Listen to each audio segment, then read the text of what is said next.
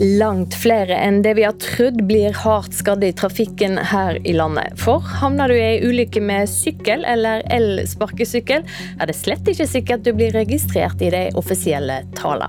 Politiet er ikke nødvendigvis eh, involvert, og da havner du i en helt annen statistikk. Du Du havner hos helse, og de er opptatt av behandling, naturlig nok. Det er mange som klør etter å pakke passet, opplever andre land etter over ett år med korona. Kommer meg litt ut, ass. Bare utforske verden litt. Grann, da. Fra og med i dag blir det litt lettere å komme seg ut på tur. Her i Nyhetsmorgen får du straks en rapport fra Kreta. Og mange elever har fremdeles gamle skolebøker ett år etter den siste store skolereforma. Det gjør at lærerne må bruke ekstra tid på å lage egne opplegg. I studio i Nyhetsmorgen denne mandagen, Silje Sande.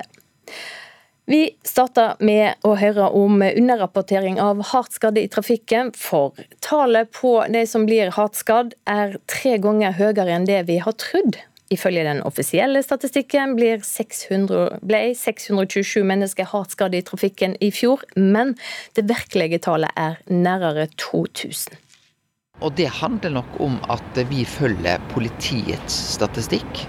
Og så har ikke vi et godt nok system som sikrer at de som da blir registrert innenfor helsesystemene, ikke da blir registrert òg i politiets eh, arkiv. Bare 37% av de hardt skadde som blir behandla i helsevesenet etter trafikkulykker, blir fanga opp i den offisielle statistikken. Det viser en rapport som er laga for Trygg Trafikk. Dårlig kommunikasjon mellom helsevesen og politiet er årsaker. Nå vil Hareide ha de virkelige tallene opp på bordet. Det er klart at eh, det å ha de reelle tallene, det er jo det som lager et grunnlag for de politiske beslutningene vi tar. Dette er hardt skadde. Det er mennesker som får livet sitt forandra. Eh, det har store menneskelige omkostninger, og det er viktig at vi får òg en offisiell statistikk og følger opp med politiske tiltak etter de reelle tallene. Underrapporteringa gjelder også bilførere og passasjerer, men er særlig stor for trafikantgrupper som syklister og elsparkesyklister sier kommunikasjonsrådgiver Kristoffer Solstad Steen i Trygg Trafikk. Altså Spesielt det som går på sykkel. Og da er jo i dag elsparkesykkel en del av det. For Der er det vi ser vi har dårligst tallmateriale. Fordi de ikke havner i den offisielle statistikken. Den offisielle statistikken baserer seg på politirapporterte ulykker. Og hvis du faller og skader alvorlig på sykkelen, så er du mest opptatt av å komme deg få helsehjelp. Så politiet er ikke nødvendigvis eh, involvert. Og da havner du i en helt annen statistikk, du. Du handler hos helse, og de er opptatt av behandling, naturlig nok. Og det er nok du også, hvis du først blir skadd. Det ufullstendige bildet av ulykker med sykkel og elsparkesykkel uroer også samferdselsministeren. Vi har jo en bekymring nå, at ikke minst eh, de mange elsparkesykkelulykkene vi får, at ikke vi får registrert det inn. Eh, og sykkelulykker generelt er underrapportert, og det bekymrer oss. Vi har kommet med mange tiltak på elsparkesykkel. Det vil nok òg komme flere tiltak.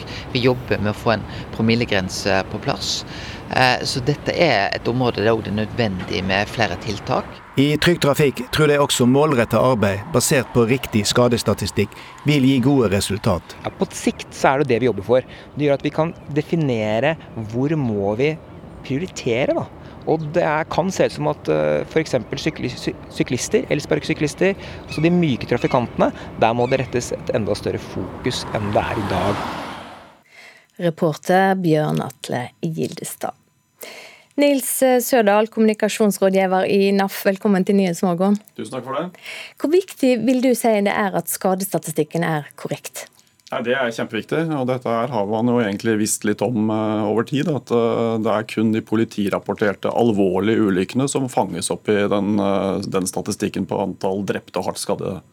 Så har du alle disse andre skadene som kan være ganske heftige, de òg, som ikke snappes opp av den statistikken, men ligger i noe annet i helse. Og her i Oslo så hadde Oslo legevakt et eget prosjekt for noen år tilbake hvor de gikk bevisst og registrerte sykkelulykker. Og da ble jo tallet mye høyere enn man visste, for mange av de hadde bare blitt registrert som noe annet en periode. Mm. Det er jo mange av oss som har lagt opp til ferie i Norge i år. Da blir det fort noen timer i bil. Hva er det mm. viktigste vi bør tenke på da? Nei, egentlig Det viktigste å tenke på er at man skal ta det med ro. Eh, og ikke heseblesende kjøre av gårde og komme fortest mulig frem. Og bare våken og klar når du skal kjøre bil, for det er ganske viktig å følge med. Det er, det, det er en viktig oppgave det å kjøre bil. Så ikke driv og la deg distrahere alt mulig annet, og vær våken og klar når du kjører.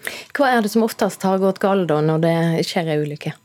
Nei, Det kan være flere ting. Det eh, Det kan være for høy fart, det kan være farlige forbikjøringer, det kan være rett og slett at du ser på GPS-en, eller eh, noen gjør jo med mobilen også. sånn at du på en måte Det er det å følge med og ta det litt med ro. og Ta pauser hvis du trenger det, og ikke husk at det er ferie. Du mm. har litt, du har litt tid. da. Hva er det lurt å gjøre før en legger av gårde i planlegginga av eh, ferieturen?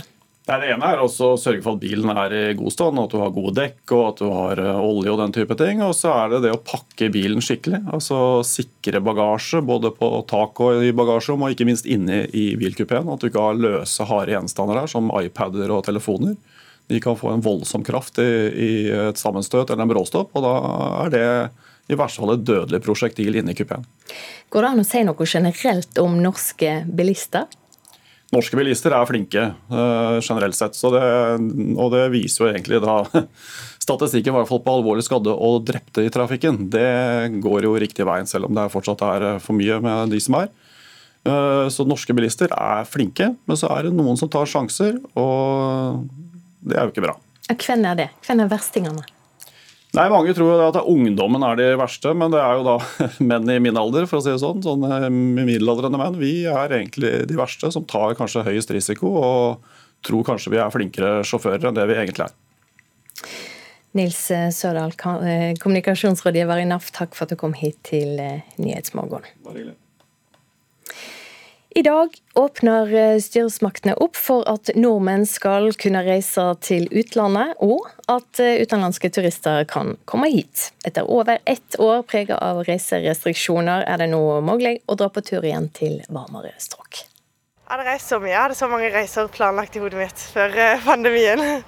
Så det var jo dårlig timing. Pandemien kom på et dårlig tidspunkt, men nå har dagen mange nordmenn og europeere ventet på endelig kommet. Utenriksdepartementet løfter reiserestriksjoner, og lengselen etter livet i Syden er stor. Det er vel mest det å kunne ligge på en strand, bade i et varmt vann og ja, mest den sydenfølelsen, for min del i hvert fall. Fremover kan nordmenn reise til land som regjeringen og EU anser som grønne, uten å måtte gå i karantene. Komme meg litt ut, ass. Bare utforske verden litt. Ass. Jeg tenker jeg hadde gått rundt i byen og eh, kost meg. Gått på kafeer og spist apfelstrudel. Ville sitte i mørket om kvelden og spise et bedre måltid med litt deilig vin. Ja, Kanskje bli kjent med nye mennesker siden jeg er singel. Men det er ikke alle land dette gjelder. Og det er heller ikke nødvendigvis så lurt å reise. Fordi statusen på landet kan endre seg fortløpende. Man kan altså reise til et land som er grønt, men som endres til rødt mens man er der. Jeg har skikkelig lyst til å dra tilbake til Brasil en tur. Jeg må jo dra på sånn samba-klubber.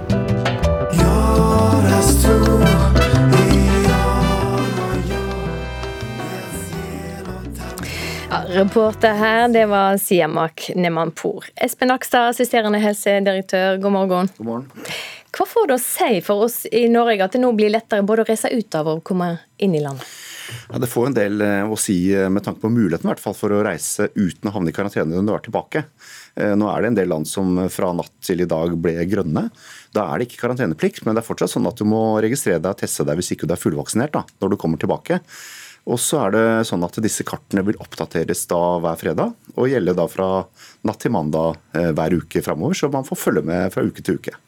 Men jeg var inne nå før sending og sjekka ut dette kartet, og da talte jeg sju farger. Grønn, oransje, rød, lilla, mørkrød, lysegrå og grå. Er ikke det litt komplisert? Det er litt komplisert, men det er godt forklart hva de fargene betyr. Og det man vil se er at veldig mange land nå er grønne. Der er det under 50 smittetilfeller per 100 000 innbyggere over to uker, og da er det ikke karanteneplikt lenger. Og så er det noen røde land, der er det karanteneplikt. Og så er det jo noen land utenfor Europa og noen man ikke har eh, informasjon om, og de får andre farger. Så det er ganske godt forklart eh, hvis man går inn og sjekker de kartene. Men dette kan endre seg? Dette kan endre seg, og det kan også endre seg mens man er på ferie, så man bør følge litt med.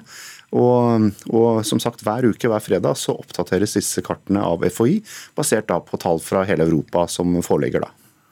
Vi hører nå at delta-varianten av koronaviruset vil ta over etter hvert, også her i landet. Hva vil det si at grensene nå åpner i, forhold til det? Det er nok alltid sånn at De mest smittsomme virusstammene de vil etter hvert eh, da overta. Og Så er spørsmålet hvor mye det blir av dette deltaviruset, og hvor alvorlig syke man blir av det. Og Det er klart at det er noe av grunnen til at man fortsetter å registrere og teste folk som ikke, ikke er vaksinert på grensen, for å følge med på det og holde den forekomsten nede da, til flere er vaksinert i Norge. Og Hva dette vil bety framover i sommer, det, det, må vi rett og slett bare vente og se på. Foreløpig så påvirker det ikke smittetallene veldig mye rundt i Europa, bortsett fra i Storbritannia og Russland, som har veldig høye eh, smittetall og også mange innleggelser. Men bortsett fra det så ser det ut som man har ganske god kontroll, i hvert fall i Europa akkurat nå. Hva er folk i helsevesenet uroa over i samband med at grensene nå åpner? Jeg tror nok de fleste frykter litt at vi skal få eh, en slags fjerde smittebølge med, med deltavirus som gir også mange innleggelser i høst. Eh, vi er ikke sikre på at det vil skje, i og med at så mange nordmenn tross alt blir vaksinert og vi har god fart på dette vaksinasjonsprogrammet. Men det er jo noe man ser allerede i Storbritannia tendens til, sånn at det er grunn til å følge med på det. Og forsøke å unngå det da i Norge når vi kommer inn i høsten. Eh, så la oss ta, Vi skal til Gardermoen litt senere i, i sendinga. Men eh, la oss ta de som nå har tenkt seg til utlandet. Hva vil du si det er det viktigste de må tenke på?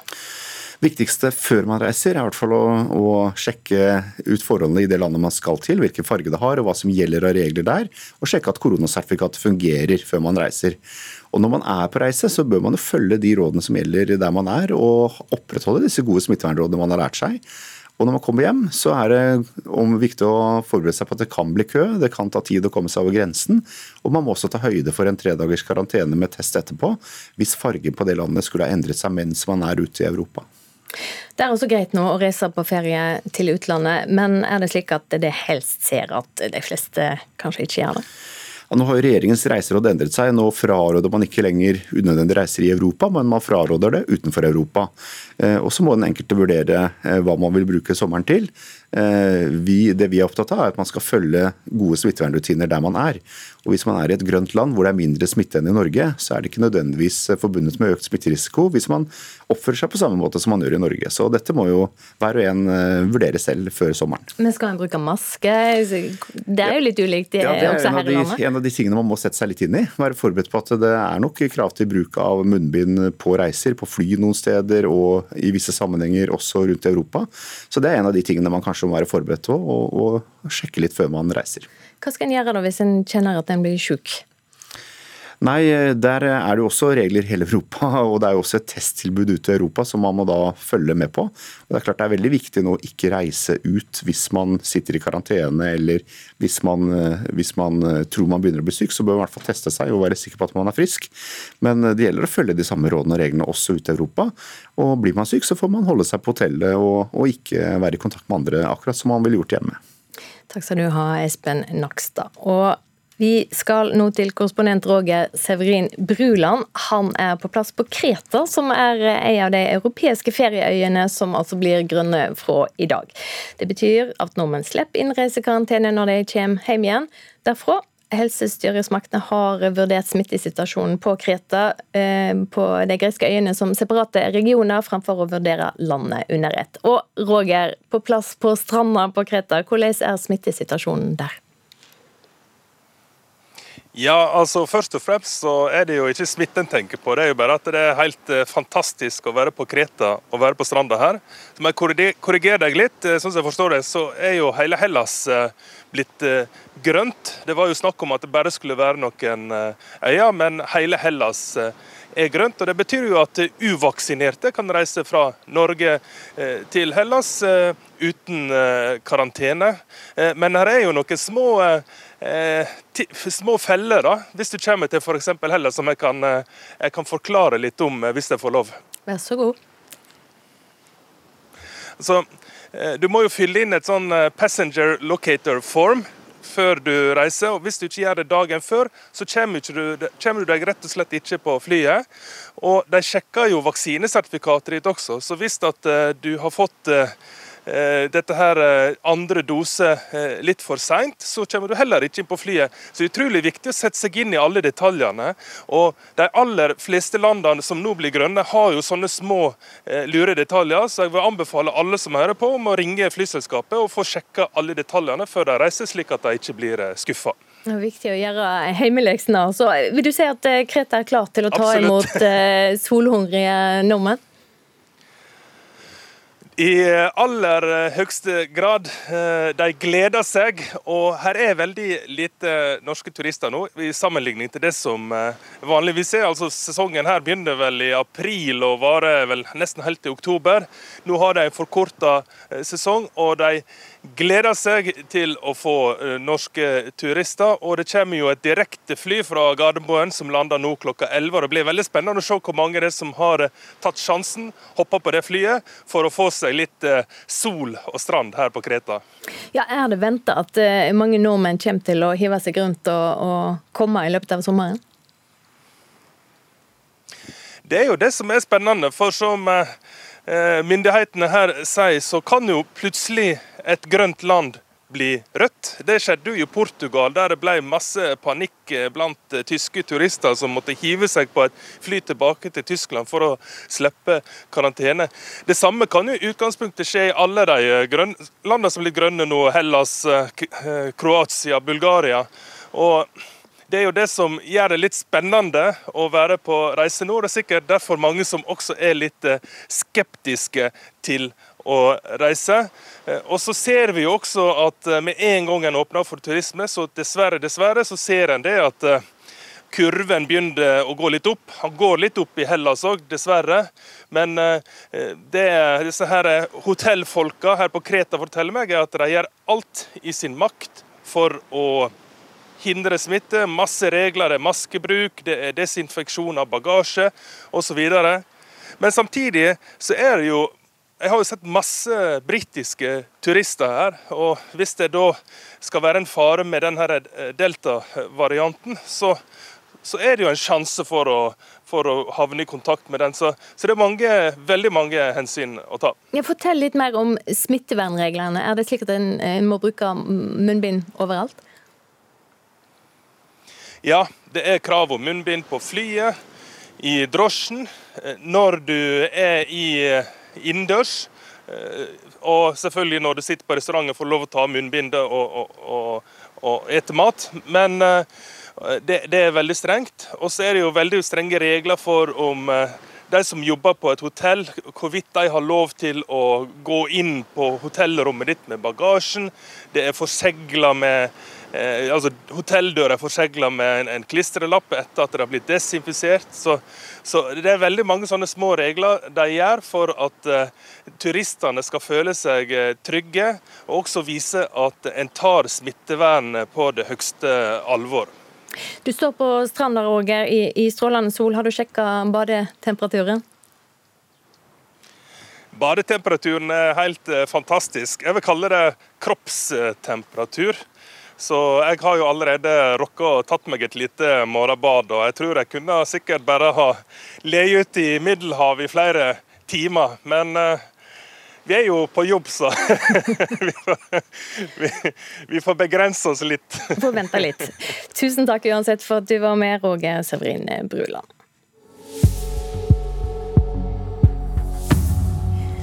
Klokka er eh, straks 22 minutt minutter over sju. Du hører på Nyhetsmorgen.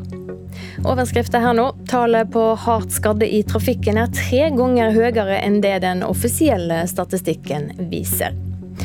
Fra i dag gjelder nye reiseregler. Flere land blir grønne, og det betyr at du slipper unna karantene når du kommer tilbake fra ferie. Og ett år etter den siste store skolereformen er det fremdeles mange elever som jobber med gamle skolebøker og læremiddel. Kristelig Folkeparti vil gi et fritidskort til alle barn og unge mellom 6 og 18 år. Arbeiderpartiet vil skrote ordninga, som de mener er ei symbolsak for KrF. KrF-lederen møtte NRK på fotballtrening med Grorud idrettslag, som er svært nøyde med ordninga. Vi ser hvor viktig det her med inkludering og integrering er, i, spesielt i, i Groruddalen. Og det, Idretten er jo kanskje viktigste delen når det gjelder akkurat det. Og, og det å ta vekk de økonomiske barrierene der, utrolig viktig. Og det bidrar det her fritidskortet med. Det sier daglig leder i Grorud idrettslag, Jon Ole Reinhardsen. KrF-leder Kjell Ingolf Ropstad har tatt med NRK på fotballtrening på Grorud. Bydel Grorud har siden høsten 2020 vært med på prøveordningen med å gi fritidskort til barn og unge mellom 6 og 18 år for å dekke organiserte fritidsaktiviteter. Og Ropstad sier KrF ønsker at flere barn og unge skal få yte fritidskortets goder. Det at barn og unge får delta i fritidsaktiviteter, er enormt viktig for å være inkludert, for å få seg venner, for å oppleve mestring. Eh, og fritidskortet gjør det mulig. I sitt alternative budsjett for 2021 foreslår Arbeiderpartiet å skrote ordningen. Kamzy Gunaratnam i Ap mener vi trenger mer universelle tiltak som treffer bredere. Jeg tenker Det er mye viktigere at barn opplever at organisasjoner er tilgjengelige, og at organisasjoner har penger til å drive aktiviteter. At vi har buordninger som kan leie ut eh, gratis eh, ulike typer eh, utstyr til ulike typer aktiviteter, er mye viktigere enn at vi skal få på plass en frikortordning stemning, fordi KrF trenger en symbolsak. Reporter Maria Jostad. Ett år etter eh, at den siste store skolereforma, fagfornyinga, ble innført, er det fremdeles mange elever som jobber med gamle skolebøker og utgåtte digitale læremidler. Da den førre reforma kom, følger det med tre ganger så mye penger som denne gangen. Og nå er det mange lærere som må bruke mye tid på å lage sine egne undervisningsopplegg. Man sitter med læremidler som har gått ut på dato, eller er eh, tenkt å bruke til andre læreplaner. Lærerne må bruke mer tid på å utvikle sine egne opplegg. Erfaringene er de samme for medlemmer både i Norsk Lektorlag og Utdanningsforbundet. Skolen har for lite penger til å oppdatere læremidlene etter den nye reformen, den såkalte fagfornyelsen. Nestleder i lektorlaget Helle Kristin Nyhus sier man nærmest kommer dobbelt dårlig ut. I en tid hvor vi samtidig også får min, stadig mindre tid til det som heter forarbeid, altså planlegge undervisning, så går det helt åpenbart uh, utover undervisningen eh, til uh, elevene. Og det gir lærerne et stort, stort merarbeid. Fagfornyelsen startet i fjor, og det manglet ikke på advarsler i forkant om at reformen ble fulgt opp med for lite penger fra regjeringen. Nå ser forlagene tydelig hvordan det har gått med salget av både skolebøker og digitale læremidler. For hver tikroning kommuner og fylker brukte under Kunnskapsløftet, har de nå bare brukt seks kroner. Direktør Heidi Austli i Forleggerforeningen skulle selvfølgelig gjerne kunne tilbudt flere elever nye læremidler. Det vi jo nå vet er at altfor mange elever sitter med gamle læremidler eller kopier på nettbrettene sine. Det betyr at kvaliteten på læringen ikke er så god som den burde ha vært. Kunnskapsdepartementet tror pandemien må ta noe av skylden for at oppdateringen etter fagfornyelsen tar tid. Statssekretær Anja Johansen understreker også at det siden forrige reform har kommet til enkelte nye produsenter av digitale læremidler utenfor de tradisjonelle forlagene. Derfor vil departementet selv undersøke innkjøpsprosessen nærmere. Fra departementets side så følger vi med på denne utviklinga, og vi vil bidra til å innhente mer informasjon. Utdanningsforbundet understreker at digitale læremidler må eksistere i et samspill med tradisjonelle skolebøker. Styremedlem Tom Bjørnar Jambak sier at det er en utbredt misforståelse i kommuner og stat at digitale løsninger kan bidra til å spare penger. I det som før var et nasjonalt marked som var kontrollert, og der lærerne i stor grad stolte på læremiddeltilbydernes kompetanse, altså forlagene, der det ofte jobbet lærere. Eh, så har vi fått nå en kakofoni av eh, ulike opplegg på internett, der veldig ofte form eh, går foran innhold, og teknologien går foran didaktikken. Reporter Thomas Alvarstein Ove. Norge tok sølv i sprintstafett under VM i orientering i går etter en dramatisk innspurt mot Sveits. Det var Andrine Benjaminsen som sprang siste etappe og noterte tida 1.02,45 for det norske laget. Og det er Andrine, Andrine har overtaket, og dette skal vi klare. Nå skal de bare rundt. Og stemple. Og så er det knallspurt nå, Andrine, så tar vi sølvet! Ja da, Elena Ros har ikke sjans her. Andrine Benjaminsen setter inn et ekstra gir, og Norge tar sølv! Ja! ja for en avslutning på stafetten. Ja, det var, det var vilt. Det var etterlengta å endelig klatre én plass høyere opp på pallen. Da har vi tatt det som perle på en snor. Fjerdeplass og tredjeplass og endelig sølv. Så da er det bare gull neste mål. Det sa ankerkvinne Andrine Benjaminsen etter at hun kom i mål og sikra Norge sølv i sprintstafett under VM i orientering i går. Og kampen mot sveitsiske Elena Ros skildrer hun som ei berg-og-dal-bane. Men man ligger på grensa av fysisk hva man klarer å løpe, så jeg prøvde liksom å spise meg inn på sakte, men sikkert. Og så løper vi litt forskjellige veivalg etter passering, og da er det veldig spennende, for da ser vi ikke hverandre. Det var ikke bare innspurten som var dramatisk, for det så lenge mørkt ut for det norske laget. Kasper Fosser sier han kjente på presset. Når Audun løp inn feil, feil korridor, jeg vet ikke om det vises på TV, men jeg han måtte snu og komme tilbake. og Da, ble jeg også litt småstressa, men uh, jeg følte at uh, jeg kom greit i gang. Jeg, jeg mistet stempling på første post og måtte snu. av en eller annen grunn så fungerte ikke brikken på første post. Så det ble litt stress i starten, men så klarte jeg å komme meg inn igjen og finne en god rytme. og Jeg følte jeg tok ganske bra veivalg hele veien og løp et uh, sikkert løp. Og de gode veivalgene danna et godt grunnlag for Benjaminsen, som sier hun var full av adrenalin under ankeretappen. Det er jo nervepirrende, skummelt og, og, veldig veldig kult når det lykkes. Reporter Henrik Thorsnes Lefdal. Sommer i P2. Det er ikke uvanlig å synge i badet, men jeg gjorde det allerede som liten pike, for jeg syns det var så fin klang inni der. Sommer i P2 forteller jeg om jobben med å gjenreise Utøya.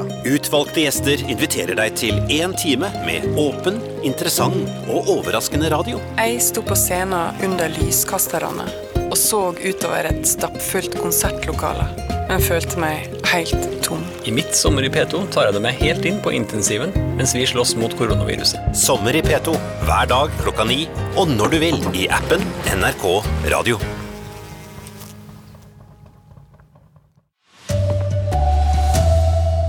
Fra i dag kan mange flere europeere reise karantenefritt inn i Norge. We are visiting Norway. Yes, we do. Tallet på hardt skadde i trafikken er tre ganger høyere enn det man har trodd. KrF vil gi fritidskort til alle barn og unge. Unødvendig symbolsak kontrer Arbeiderpartiet. Her er NRK Dagsnytt, klokka er 7.30. De strenge norske reiserådene til Europa og Storbritannia er altså nå opphevet. Frankrike bl.a. er blitt grønn sone. Det samme er mange svenske regioner. Reisende fra disse landene må følge smittevernreglene, men slipper innreisekarantene når de kommer til Norge. So yeah, thank you. We are visiting Norway. Yes, we do. you are vaccinated then? Yes. Yes, we are vaccinated two times. Monica og Ulrich Leiner har venta lenge på å få lov til å reise igjen. Det tyske pensjonistekteparet har vært lenge på vent hjemme i Tyskland. Yes, yes, travel, Ved midnatt oppheva Norge reiserådet for EØS- og Schengen-området, Storbritannia og de landene på EUs tredjelandsliste som FHI anser som trygge.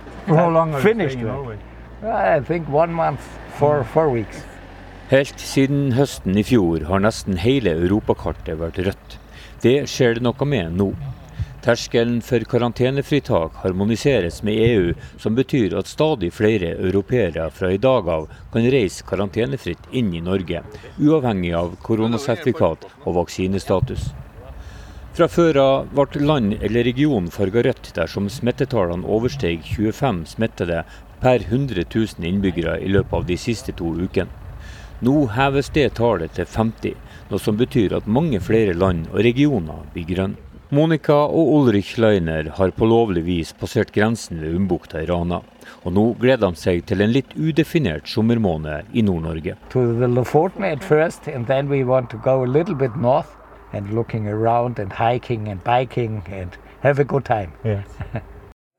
Reporter her, det var Lars Petter eh, Kalkenberg.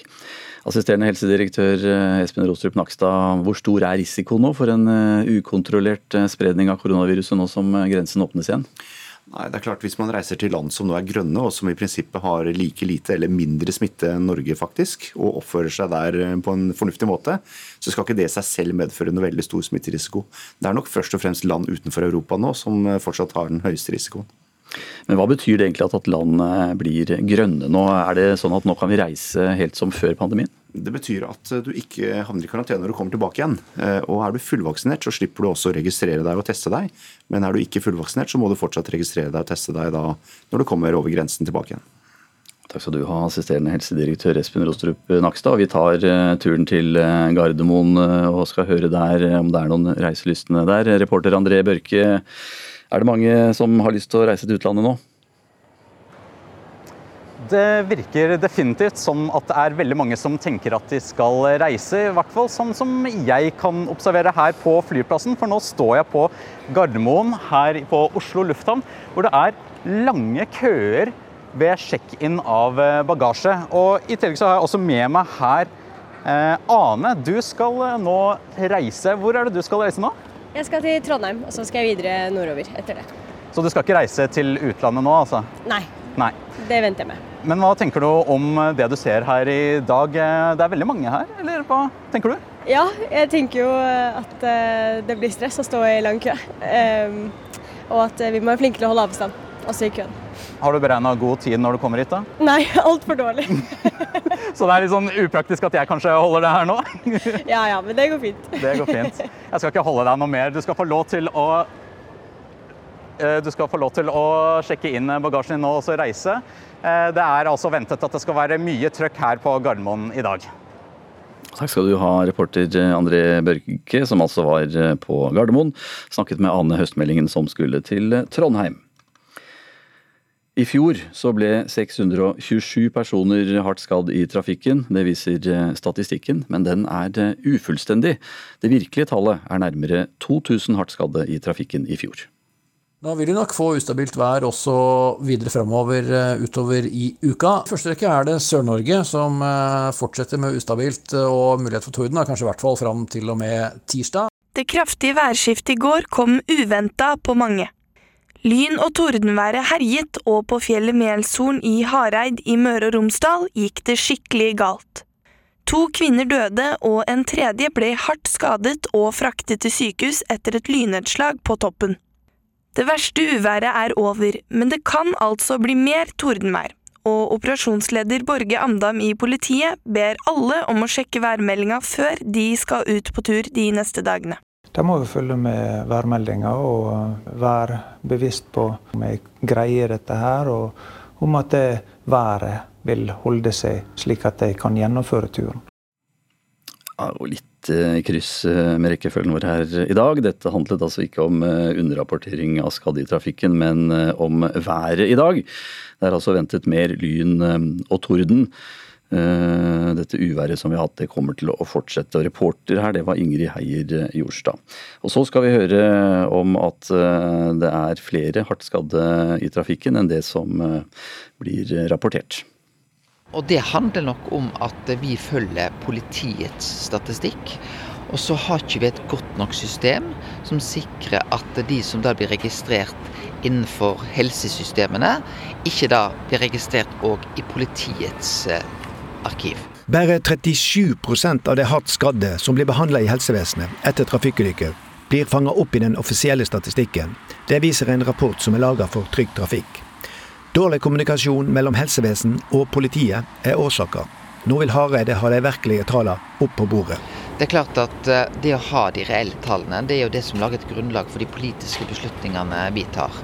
Dette er hardt skadde. Det er mennesker som får livet sitt forandra. Eh, det har store menneskelige omkostninger, og det er viktig at vi får òg en offisiell statistikk og følger opp med politiske tiltak etter de reelle tallene. Underrapporteringa gjelder også bilførere og passasjerer, men er særlig stor for trafikantgrupper som syklister og elsparkesyklister sier kommunikasjonsrådgiver Kristoffer Solstad Steen i Trygg Trafikk. Altså Spesielt det som går på sykkel. Og da er jo i dag elsparkesykkel en del av det.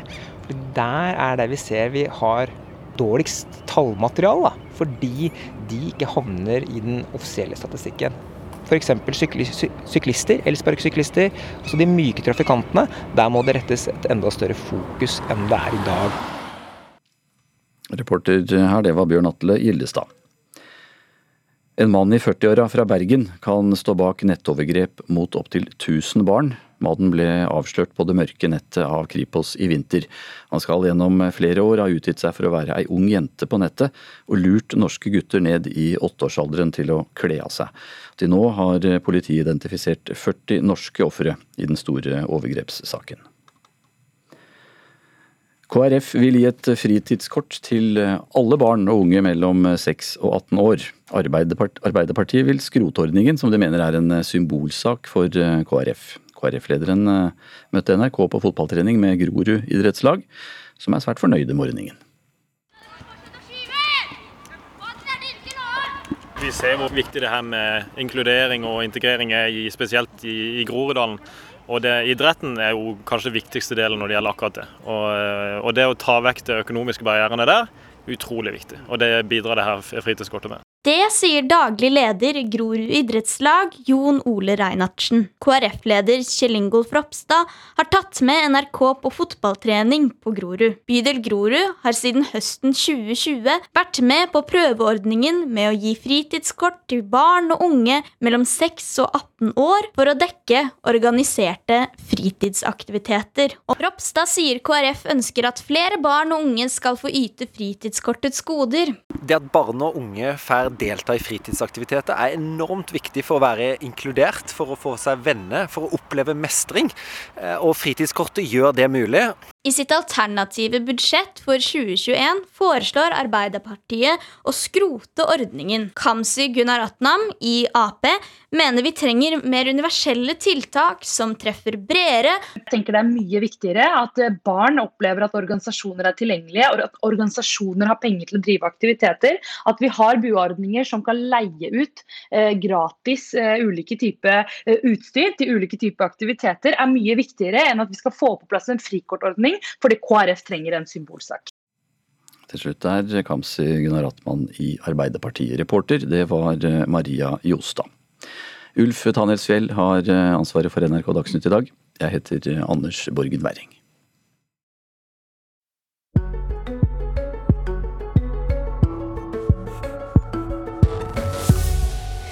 Ungdom og bil nå her i Nyhetsmorgen, for eh, flere hundre biler var samla framfor rådhuset i Kongsvinger lørdag kveld i det som var en aksjon for å støtte rånermiljøet der. Markeringa var en protest mot at eh, kommunen har stengt langtidsparkeringa der de bilglade ungdommene vanligvis samler seg pga. støy.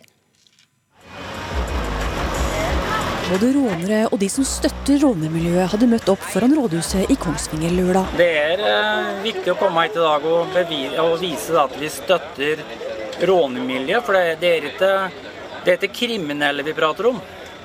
Det er ungdommer som har noe å finne på og kose seg sammen. Det sier Geir Viker, som hadde møtt opp for å støtte ungdommen i å ha en sentrumsnær plass. Så jeg, jeg, skjønner da at det er problemer at det blir bråk om natta, jeg, jeg, skjønner den biten der. Men det er jo noe med sentrum, da. Byen og kjøre i gata, treffe hverandre. Det er jo litt artig med det, da. I mer enn ti år har rånere fått bruke en av Kongsvinger kommunes parkeringsplasser som møteplass. Men forrige uke så var det slutt. Nå er plassen stengt med steinblokker for å sikre nattero. Lørdagens markering var for å vise hvor viktig det er at ungdommen får en møteplass. Fordi jeg syns det er viktig at ungdommen og bilinteresserte har stelle, i stedet for at det, er ikke alle som er interessert i håndball og fotball og den tingen. Det sier Solveig Sæter. Hun har sjøl ei datter på 15 år som er veldig bilinteressert. Hun håper at markeringen kan føre til en dialog med kommunen. Håper det. Jeg håper det. Jeg veit ikke. Det er, liksom, det er vanskelig å komme inn under huden på politikere og dem som bestemmer.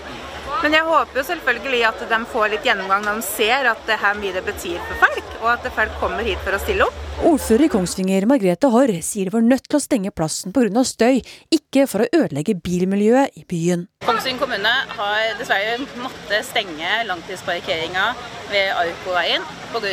Eh, at det har vært veldig mye støy knytta til plassen over flere år. Eh, og nabolaget rundt blir veldig sterkt berørt av det støyet. Eh, og de sliter med å sove på nattestid. Andre tiltak har ikke fungert, eh, og derfor så kommunen seg nødt til å stenge parkeringsplassen. Etter lørdagens markering er ordføreren allikevel mer optimistisk enn noen gang. Jeg er helt sikker på at vi kommer til å løse det med dialog. Og når du ser engasjementet som er her nå, eh, så håper jeg at det viser at muligheten for å kunne klare å finne en løsning som ivaretar alle hensyn, er til stede. Han får ikke lov! Han får ikke jeg som skal skrus, han får ikke lov! Jarle Kjelsrud er initiativtaker til markeringen, og mener det ikke er langtidsparkeringen og rånerne som er problemet. Like ved parkeringa ligger en døgnåpen bensinstasjon, og Kjelsrud mener den er mye av problemet. Langtidsparkeringa er et samlested, og jeg vil tørre å påstå at den verste støyen er ikke fra langtidsparkeringa i seg sjøl, som de har stengt. Hva tror du problemet er da? Problemet er nok de enkeltindividene som eh, kommer hjem fra fest eller har vært på raggen og har eh, tre i promille og skal inn og kjøpe seg nattmat på Circle K, som gjerne har på stereoanlegget sitt og bruker litt lang tid rundt bygningen. Og... Så du føler du misforstått? Ja, altså jeg føler de har stengt av feil plass. Kjelsrud håper også at de kan komme til enighet med kommunen. Jeg tror da at eh, hvis kommunen hadde kommet med et tilbud til oss, hvor de som liker støy kan få lov til å oppholde seg, og de som vil stå og prate kan få lov til å være på langtidsparkeringa, så tror jeg det hadde løst ganske mye. Geir Viker mener at de som bor i sentrum må tåle litt støy, og de nå må åpne parkeringa igjen. Jeg, jeg, håper at folk eh, generelt ser hvor viktig det er at ungdommen har noe å finne på. At, eh, at de ikke bare skal slenge rundt i gatelangs. Det, det, er veldig viktig at de har noe å finne på. Og da tenker jeg at eh, vi må kanskje tølge litt av støy da. Reportere Vibeke Wold Haagensen og Mats Sparby. Overskriftene nå tallet på hardt skadde i trafikken er tre ganger høyere enn det den offisielle statistikken viser. Og Fra i dag gjelder nye reiseregler. Flere land blir grønne. Det betyr at du slipper unna karantene når du kommer tilbake fra ferien, og at mange flere utlendinger kan reise karantenefritt inn i Norge. Nå er det klart for Politisk sommerkvarter, der vi skal møte Geir A. Iversen, Senterpartiets førstekandidat i Finnmark, i samtale med vår reporter Eva Marie Bulai.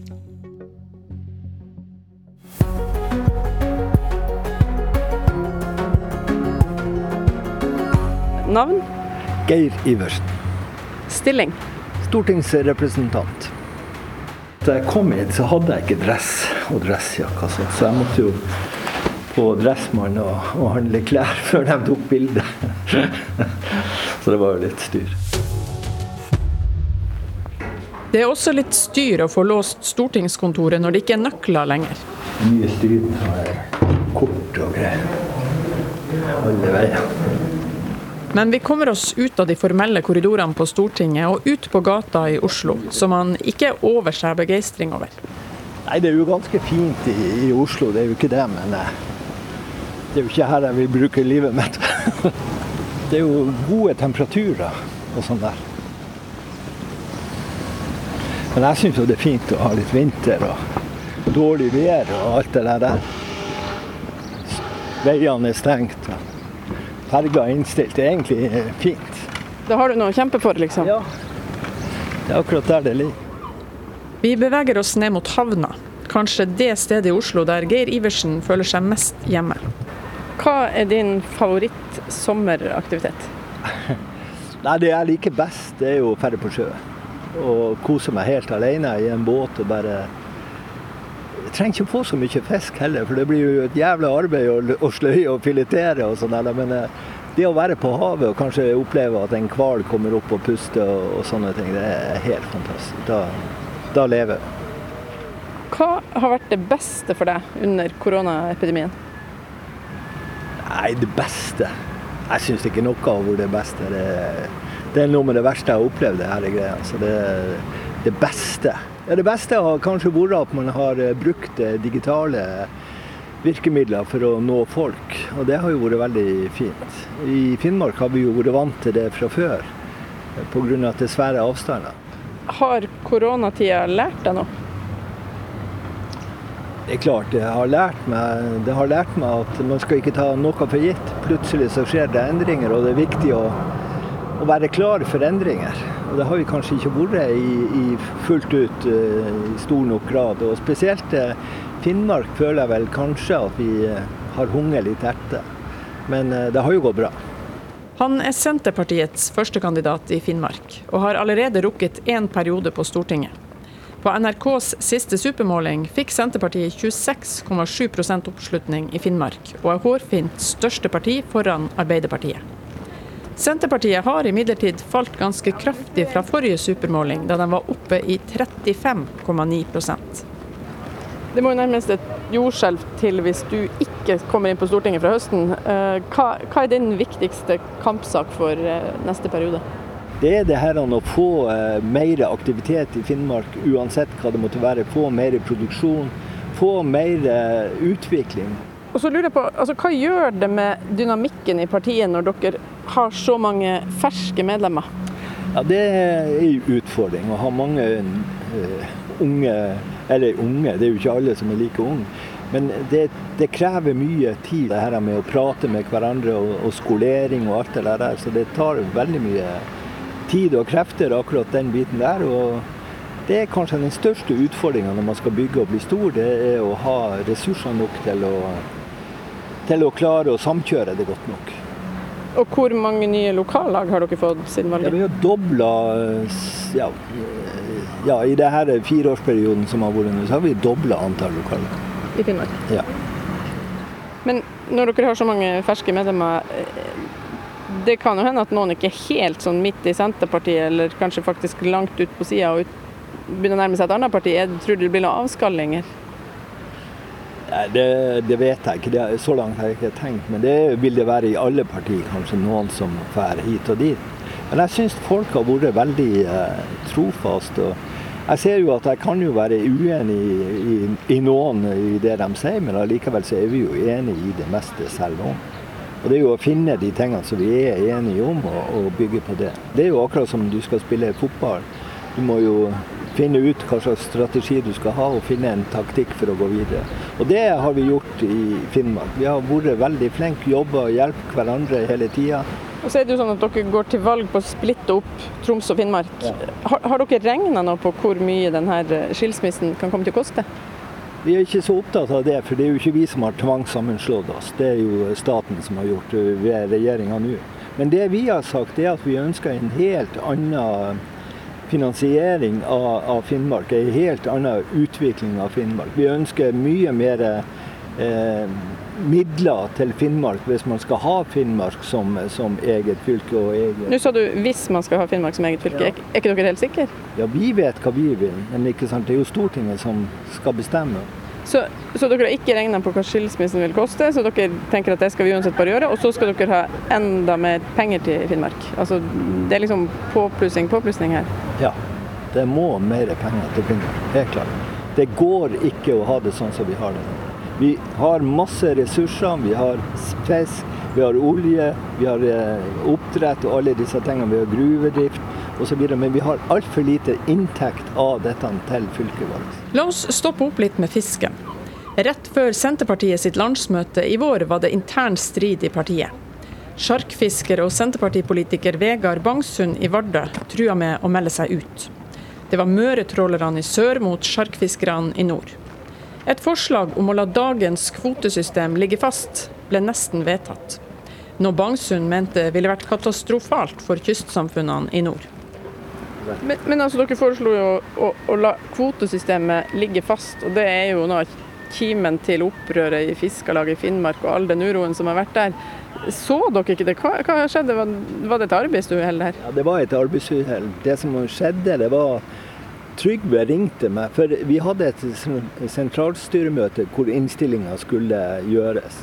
Så det sentralstyret er jo valgte folk som er fra hele landet. Og fra nord så er vi ikke så veldig mange. Det er jo Ivar Pressbakmo og jeg som er der. Jeg er bare vara, og han er representant. Og begge vi var ikke der. Det er vel kanskje vi eh, som kunne mest det som skulle ha vært tatt opp der. Mm.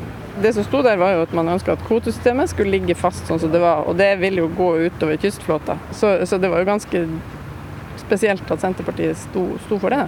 Men som jeg sa til deg i stad, det, det, har jo stått hele tida. Og det er jo et... ja, Det gjør det jo ikke mindre.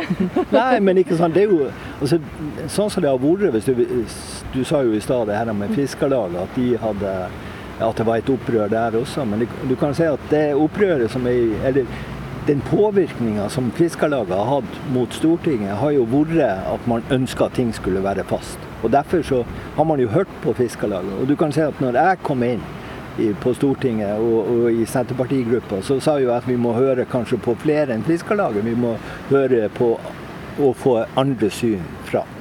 Det var en, en vanskelig sak, men jeg syns vi landa den veldig godt. Så lurer jeg på det her med, med, med Alta. fordi at Finnmark Senterparti har ikke en eneste fra Alta på de fem første plassene. Hvorfor ikke det?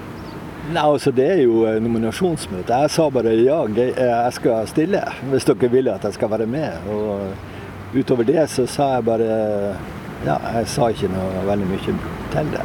Alta hadde jo et eh, kjørte jo kampvotering mot meg. Det er jo sånn det er. Men av og til så vinner man, og av og til så taper man. og i det tilfellet her så vant jeg, og det var ikke Alta som vant. Men det er jo sånn at eh, ei liste blir jo laga ut ifra de folkene som har tillit i fylket. Og Det var vel kanskje det som var litt av problemet. Men er ikke det litt risky å drive på sånn når, når uh, Alta driver og rasler med sablene og sier de gjerne vil tilhøre Troms fylke? Jo, det kan godt hende, men uh, det var jo litt av det oppgjøret, oppgjøret som ble gjort på det møtet der. Det viktigste når det er litt sånn vanskelig, så må man snakke med folk. og Det prøver jeg å gjøre. Det var den kaffekoppen? Ja, man må snakke. Jeg, drikker, jeg er ikke så veldig glad i kaffe, men jeg drikker mye annet rart. men kaffe drikker jeg ikke så veldig mye. Men det å ha tid til å prate og sånne ting, det er utrolig viktig. Et siste spørsmål eh, om Alta. Da. Det er jo fødeavdeling i Alta. Hvis Senterpartiet kommer i regjering, garanterer dere da at, at det skal en fødeavdeling på plass? Vi eh, har jo sagt at vi, eller Stortingsgruppa har jo sagt at vi ønsker å få dette eh, på plass. Vi ønsker å få eh, utreda og, og, gjerne fort som bare det på plass, men det må et annet inntektssystem, eller eh, finansieringssystem på, på disse sykehusene, som er spesielt på plasser hvor det er mindre folk. Vi har jo nå et Eh, et sånt system hvor det er antall hoder som gjør hvor mye penger de enkelte får. Og da taper jo vi som bare det. Vi, men vi er veldig opptatt av både Kirkenes og Hammerfest eh, skal, ha gode, eller skal være sykehus. Og vi ønsker å få til et godt, eh, et godt tilbud også i Alta. Nå må du sette deg litt tilbake, for det kommer et stort spørsmål. Ja. Hvem er Geir A. Iversen? Nei, det er vel mange som lurer på det. Jeg lurer nå av og til på, jeg også. Men eh, jeg er en eh, helt vanlig kar som eh, har vært utrolig heldig i livet og fått opplevd veldig mye. Og vært med på mye også. Så alt jeg har gjort, har gått bra. Vært veldig heldig. Hva, hva, gjorde du før du var stortingspolitiker? Har du, har du noe annen bakgrunn, eller? Ja, altså det er jeg kom jo til Hasvik da jeg gikk på, på skole i Trondheim og trengte sommerjobb. Og jeg eh, fikk eh, tilbud om å komme til Sørvær og jobbe i fiskeindustrien, og var der i noen måneder. Så traff jeg jo ei dame mens jeg var der og, og ble fast. Begynte å ro fiske og rodde fiske. Fem år i, rett utenfor Sørvær og var i Barentshavet og Svalbard overalt. De årene der, det var med å forme meg på en veldig fin måte, tror jeg. Så etter det så eh, fikk jeg jo eh, en, en glunt eh, som kom, og, og, da fant jeg ut at kanskje var det lurt å være mer hjemme. Så det var også en tilfeldighet. Plutselig en dag så kom rektoren på skolen om bord. For han hadde sett at jeg drev og trente noen unger. Om jeg kunne tenke meg å være vikarlærer på skolen. Starta da som vikarlærer på, på Sørvær skole. og og var eh, lærer uten utdanning i ca. to år. Før jeg tok da lærerskolen på Nesna. Var jeg lærer en liten stund, kom tilbake til Sørøya og valgte å eh, bli eh, eh, kulturkonsulent etter at man kanskje sa du bør søke på den jobben, for den var ledig. Og det gjorde jeg, og fikk den jobben. Og var kulturkonsulent i Hasvik i ti år. Er du egentlig fra Finnmark? Jeg er opprinnelig fra Andøya, fra, fra Andes. Livet hans er nærmest en inkarnasjon av Senterpartiet. Vokste opp på Andøya, der Senterpartiet kjemper for å bevare flybasen. Tok lærerutdanninga på Nesna, en nedlagt høyskole Senterpartiet har lova å gjenreise. Og som om ikke det var nok. Hva syns du om å bo i Oslo? I Oslo så, så eksisterer jeg. Når jeg kommer hjem, så lever jeg. så, så, det er så enkelt. Jeg er her for at det er her det skjer, og, og her må jeg være. Hvordan har det seg at du kom inn på Stortinget? Ja, Det har jeg jo lurt på mange ganger. Også. Det er mye tilfeldigheter som er ute. For da jeg kom inn i det her Senterpartiet, så var vi jo ikke så veldig mange som var der. Eh, da jeg ble leder i Finnmark Senterparti, så var vi vel mellom 3 og 4 prosent. Senterpartiet gjør det jo godt i Finnmark. Eh, på nettstedet Poll of Poll så ligger dere nå på rundt 24% oppslutning i Finnmark, altså i gjennomsnitt. Hva tror du dere ender på på valgdagen? Jeg har jo et eh, ønske å komme på rundt 30% Og da vil det si at Senterpartiet får inn to, sant? Ja, det håper jeg. Er du den neste fiskeriministeren? Det har jeg ikke tenkt på. Jeg syns jeg har det veldig bra sånn som jeg har det nå. Og som jeg sa til deg i stad, jeg har jo egentlig vanvittig mye å gjøre. Men det er Trygve Hvis han blir statsminister, så må jo han avgjøre det. Så du er liksom trygg på at hvis det kommer et press nedenfra at du skal bli fiskeriminister, så blir du det? Ja, altså det, I Finnmark så har de jo sagt at Geir, du skal bli fiskeriminister. Så jeg har jo fått vedtak i Finnmark Senterparti at jeg må si så Jeg har vel ikke noe annet valg å si at jeg må det. Men eh, det er Trygve som bestemmer det. Jeg har ikke noe sånn voldsom eh, behov for å bli verken fiskeriminister eller noe. Jeg syns jeg har hatt et fantastisk liv og klarer meg veldig godt. Men det er et vedtak i Finnmark Senterparti? Et offisielt vedtak, eller? Nei, ikke offisielt. De sa at du skal si at du skal bli fiskeriminister. ja, men da kan vi ta spørsmålet på nytt. Er du den neste fiskeriministeren? Så må du tenke på lokallaget ditt. Ha det i bakhodet. Er du Norges neste fiskeriminister? Ja